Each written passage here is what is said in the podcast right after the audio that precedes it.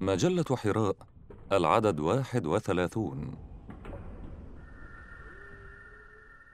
السراج النبوي ينير درب البشرية الحائرة بقلم صابر عبد الفتاح المشرقي الزمان الخامس من مايو 2012 المكان في أقصى الجنوب التركي وتحديدا في مدينة غازي عنتاب مسقط رأس العلامة المحدث بدر الدين العيني صاحب كتاب عمدة القاري في شرح صحيح البخاري ومنشأ كثير من علماء الدين المشاهير المضيف الشقيقتان حراء الغراء ويني أوميد الأمل الجديد في ثاني لقاء يجمع بينهما في هدي النبي صلى الله عليه وسلم الرابع على مستوى المؤتمرات بشكل عام الضيوف من ربوع الأرض جاءوا من كل حدب وصوب ومن كل فج قريب أو عميق من أكثر من ستين دولة توافدوا كما يتوافد الحجيج لأداء الشعائر المقدسة هذا عن ضيوف الخارج التركي وقد بلغ عددهم أكثر من 300 شخصية رسمية ودينية وشعبية معتبرة أما عن ضيوف الداخل التركي فقد تجاوزوا الألف ما بين رؤساء الهيئات الدينية الكبرى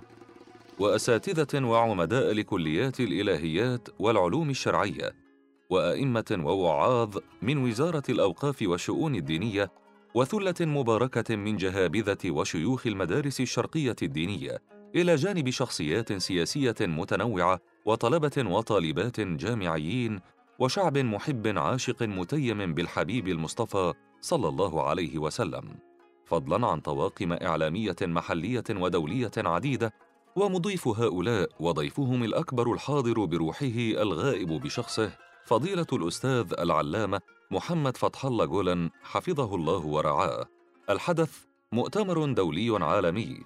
وسط حضور حاشد ومعنويات محلقة بعنوان السراج النبوي ينير درب البشرية الحائرة استنفر فيه العلماء الأجلاء المدعوون طاقتهم ليناقشوا أهم المشكلات الاجتماعية التي تتعرض لها الإنسانية وأبرز المحاور الحياتية التي تمس حياة المسلم في ضوء الهدي النبوي الشريف الفعاليات مقتطفات من اليوم الأول لاقت كلمة الأستاذ وحيد الدين خان العلامة الهندي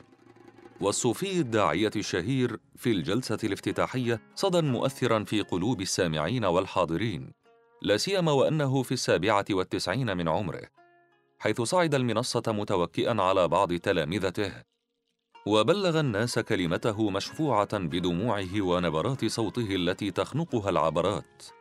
وقد أعرب في كلمته عن ضرورة استكشاف الاتجاهات الحديثة في السنة النبوية ووجوب الارتكاز إلى الأسس القرآنية والنبوية عند التصدي لحل مشكلاتنا الاجتماعية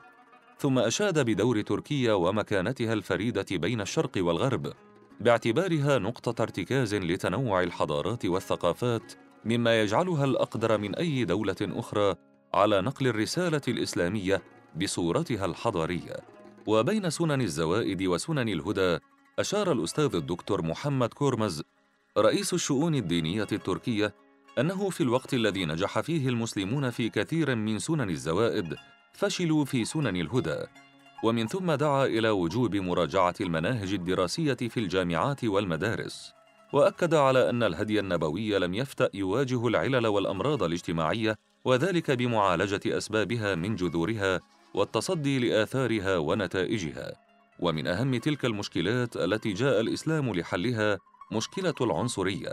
ثم نحى باللائمة على من يريدون فهم الإسلام بغير القرآن أو بغير الرسول صلى الله عليه وسلم متمثلا في سنته السنيه وهديه المبارك وبين ان مثل هذا الصنيع من شانه ان ينشئ جدارا فاصلا بين القران والرسول صلى الله عليه وسلم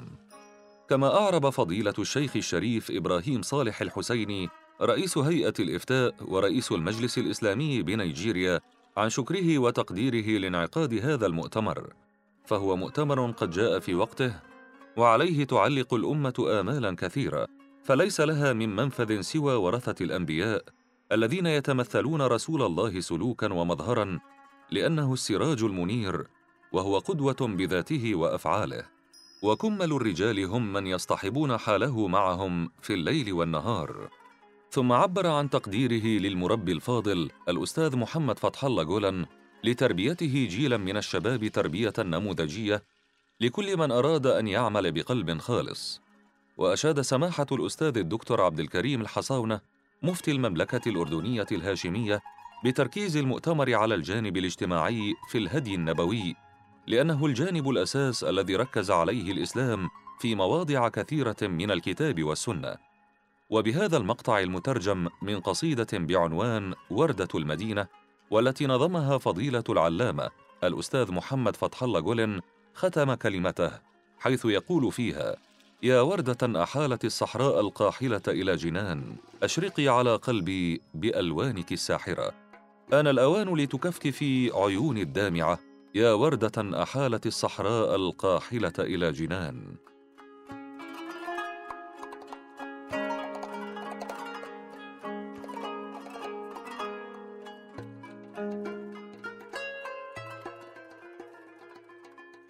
والوردة الحمراء في الأدبيات الصوفية التركية ترمز إلى الحبيب محمد صلى الله عليه وسلم. وقد رحب في مطلع كلمته بسادة الحضور وأعرب عن أسفه لعدم قدرته على المشاركة، كما هنأ كلا من المجلتين العزيزتين على تنظيم هذه المؤتمرات العالمية وتمنى لهما دوام التوفيق والنجاح. وفي ثنايا الكلمة بين أن مفخرة الإنسانية عليه أفضل الصلاة والتسليم هو باني الإنسانية من جديد ولا يزال وسيبقى بانيا لها في كل آن في أمسها ويومها وغدها وكما بدل في عصره بحملة واحدة وبنفخة واحدة مفاهيم ضالة وسلوكيات غير إنسانية وانحرافات سوء الأخلاق والأمزجة المغروسة في الطبائع من آلاف السنين فسيسمع صوته يقينا وحقا للجموع المنفلتة المنفرط عقدها اليوم وسيضبطهم بضوابطه ان عاجلا او اجلا وسيظهر قوه رسالته وفي المحاضره الافتتاحيه لفضيله الاستاذ الدكتور علي جمعه مفتي الديار المصريه اوضح ان ايات القران الكريم واحاديث السنه النبويه المطهره قد اشتملا على اكثر من 95% في الاخلاق والعقيده وان النسبه الضئيله التي اشتملت على الاحكام الشرعيه والفقه مع اهميه الشريعه وانه لا حياه بدونها مما يبين لنا المنهج الذي ينبغي ان نسير عليه والمتمثل في قوله صلى الله عليه وسلم انما بعثت لاتمم مكارم الاخلاق واشار فضيلته الى ان تلمس المنهج النبوي واستنباط الحلول التي يسميها العلماء امهات الابواب هو السبيل القويم في حل المشكلات الاجتماعيه ومن ثم فعلينا التوجه الى هذا المنهج النبوي والبحث عن حلول لمشكلاتنا فيه ثم أخذ يتناول بعض هذه المشكلات وسبل حلولها وفق الهدي النبوي كما أوضح أن كل المؤتمرات التي عقدت من أجل البحث عن المشكلات وحلولها آلت إلى أن المشكلة الكبرى تكمن في التربية والخلل فيها وختم كلمته بالدعوة إلى العمل الصحيح والأمل الفسيح لأنه بالأمل وحده سنتحول إلى ظاهرة صوتية وسوف نخسر كثيرا من أرضنا الفكرية كل عام في مدينة الثقافة والحضارة والعلم والعرفان أرحب بكم أعزائي عشاق الحبيب المصطفى صلى الله عليه وسلم بهذا الوصف الحبيب إلى نفوس الأتراك وبهذا الاعتزاز العلمي والعرفاني بمدينة غازي عنتاب رحب الأستاذ الدكتور علي بارداك أغلو رئيس هيئة الشؤون الدينية السابق بضيوفه من كل ربوع الأرض ثم ذكر في تقدمته للجلسة الأولى التي عنونت بعالمية المنهج النبوي وربانيته أن المؤمن في حاجة ماسة إلى تنزيل القرآن الكريم وهدي النبي محمد صلى الله عليه وسلم في قلبه ثم إلى تمثله في حياته وواقعه ومستقبله وأنه لا حل لمشكلاتنا الحياتية والاجتماعية من دون هذا التنزل والتمثيل وببلاغته المعهودة وبيانه المؤثر عبر فضيلة الأستاذ الدكتور فتحي حجازي عن الأجواء النورانية التي تحف المؤتمر ثم بين في كلمته التي عنوانها مكانة الرسول الأسوة في تنزيل وتمثل حقيقة الوحي أن علاقة الرسول بالوحي علاقة استمداد واستمرار، وأن نور النبي المعنوي المنبعث عنه والممتد إلى صحابته ثم إلى ورثته من الدعاة على بصيرة في كل زمان ومكان الى ان يرث الله الارض ومن عليها يشي بعظيم منزلته التي اشار اليها القران وانه صلى الله عليه وسلم مثل الوحي بين الناس في جميع مناحي الحياه فكان قرانا يمشي بينهم وعن دعوى شموليه المنهاج النبوي وعالميته وربانيته وجد فضيله الدكتور عبد الرزاق قسوم في هذه الكوكبه وتلك الفسيفسائيه من الحضور التي تصنعها وحده الاسلام بقياده المصطفى صلى الله عليه وسلم خير دليل على صدق هذه الدعوه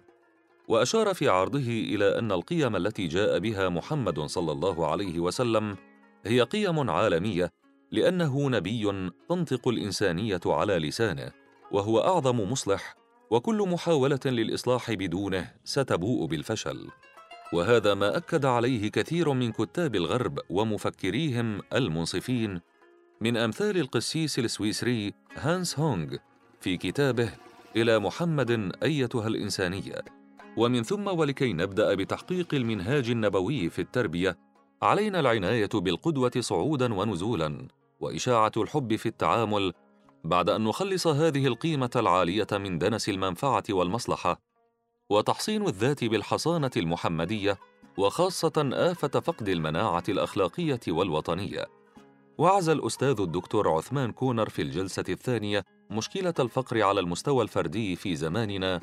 إلى أسباب عديدة من أهمها الكسل والتبذير والبخل ونفى أن تكون قلة الموارد أو النقص في بعض النعم التي أنعم الله بها على الإنسان عاملا من عوامل الفقر على المستوى الاجتماعي وانما سوء توزيع هذه الموارد والظلم والجور في استخدامها وغياب العداله الاجتماعيه هو السبب الرئيس في هذا واستشهد على ذلك بقوله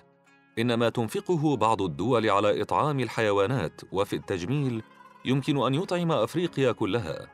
ثم بين ان العداله الاجتماعيه كانت اساسا من اسس الهدي النبوي كما ان الاسلام قد صاغ مجموعه من الاوامر والنواهي تؤدي في مجملها الى نظام اقتصادي عادل كتحريم الربا وفرض الزكاه والكفارات والنهي عن الاسراف والتبذير والكسل والحض على العمل والإنتاج والتدبير والصدقات والتبرعات وحول مشكلة الجهل أشار الدكتور عبد الحميد أبو سليمان الأمين العام لمعهد الفكر الإسلامي إلى أن الجهل إذا حلت مشكلته حلت كل المشاكل والجهل يقابله العلم الذي يؤدي إلى العمل وأي جهل لا يقابله علم يؤدي إلى عمل فهو جهل أيضاً كما رأى أن أي تغيير لا يستند إلى عقيدة صلبة فهو فقاعة وان اهم انواع الاقتصاد في عصرنا هو اقتصاد المعرفه وذكر بعض تجارب معهد الفكر الاسلامي في هذا الصدد كما دعا الى وجوب تغيير الخطاب من الشده والقهر الى اللين والرحمه عملا بقوله تعالى والذين امنوا اشد حبا لله ثم ختم حديثه بقوله العلم للاخلاق والجهل لقله الاخلاق وختم الأستاذ جنيد كوكجا الجلسة واليوم الأول كله بحديثه عن مشكلة العنصرية والتفرق وأشار في حديثه عن هذه المشكلة إلى أن الفرقة حس شيطاني واضح فقال تعالى على لسان إبليس قال أنا خير منه خلقتني من نار وخلقته من طين وأوضح أن الوحدة والتوحد تحول أي مجتمع إلى جنة وأن الفرقة والاختلاف تحول أي مجتمع إلى جهنم ومن ثم كان الاسلام من خلال القران الكريم وهدي النبي صلى الله عليه وسلم يلح على قضيه الوحده والتوحد ونبذ الفرقه والتعصب والعنصريه حفاظا على سلامه المجتمع وتماسكه وسعاده افراده وهناءتهم مقتطفات من اليوم الثاني أكد الأستاذ الدكتور عبد الناصر أبو البصل في عرضه الشائق المشفوع بالوسائل التكنولوجية الحديثة أن الأخوة الدينية والإيمانية رابطة وثيقة بين المسلمين أينما كانوا، وبها بطلت ثلاث عصبيات: النسب والحلف والوطن، وأن نموذج المؤاخاة في العصر النبوي قد انبنى على الإيمان وتآلف القلوب والعمل الصالح والتربية النبوية، كما بين أننا في حاجة ماسة إلى المؤاخاة في هذا العصر، وأننا نستطيع أن نستنبط من النموذج النبوي بما يتواكب مع روح العصر ووفق وسائله الحديثه وضرب امثله متعدده لذلك وحول خلق الايثار في المنهاج النبوي ذكر الشيخ خليل النحوي ان الايه المدخل في هذا الموضوع قوله تعالى والذين تبوأوا الدار والإيمان من قبلهم يحبون من هاجر إليهم ولا يجدون في صدورهم حاجة مما أوتوا ويؤثرون على أنفسهم ولو كان بهم خصاصة فالايه لم تحدد بما نؤثر ومن نؤثر وتركت الباب مفتوحا وهذه اشاره عظيمه من اشارات القران كما اشار الى ان الايثار قيمه مركبه وهو اعلى مراتب الايمان ثم عدد صورا من خلق الايثار في حياه النبي صلى الله عليه وسلم الذي كانت حياته كلها اعلاء لهذه القيمه وفي عرض متميز اثرى به الجلسه الرابعه بعنوان البشريه الحائره ودور العالم على ضوء السراج النبوي تساءل الدكتور محمد بابا عمي هل لدينا الجراه ان نتبع العالم المرشد المربي وبعد ان استعرض مظاهر حيره البشريه وتساءل عن المخرج لها من تلك الحيره ابان في ختام عرضه عن الدور المنوط بالعالم بقوله وليس المطلوب من العالم ان يصف الدواء ويكتب عنه ولا ان يتحدث عن السراج ويفتخر به وانما عليه واجب اخر هو النزول الى الارض وحقن المريض بالجرعات اللازمه من الدواء وحمل السراج الى المناطق المظلمه من مدرسه وجامعه وبرلمان ومخبر وقناه وسوق وغيرها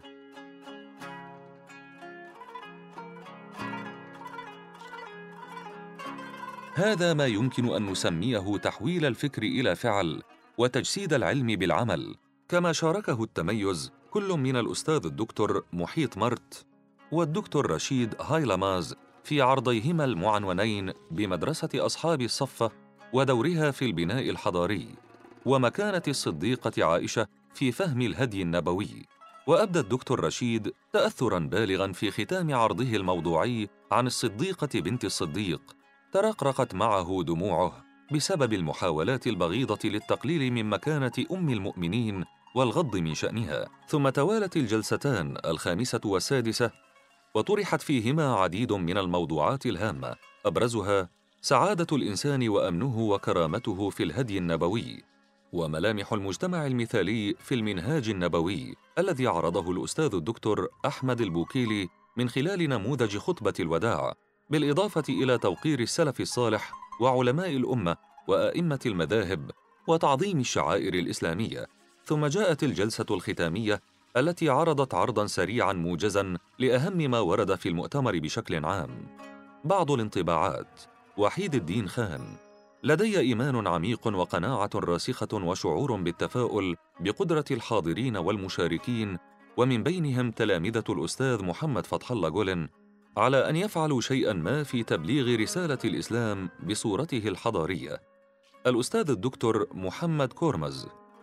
يتداعى إلى ذهني عند رؤية هذه الكوكبة المباركة من العلماء الأجلاء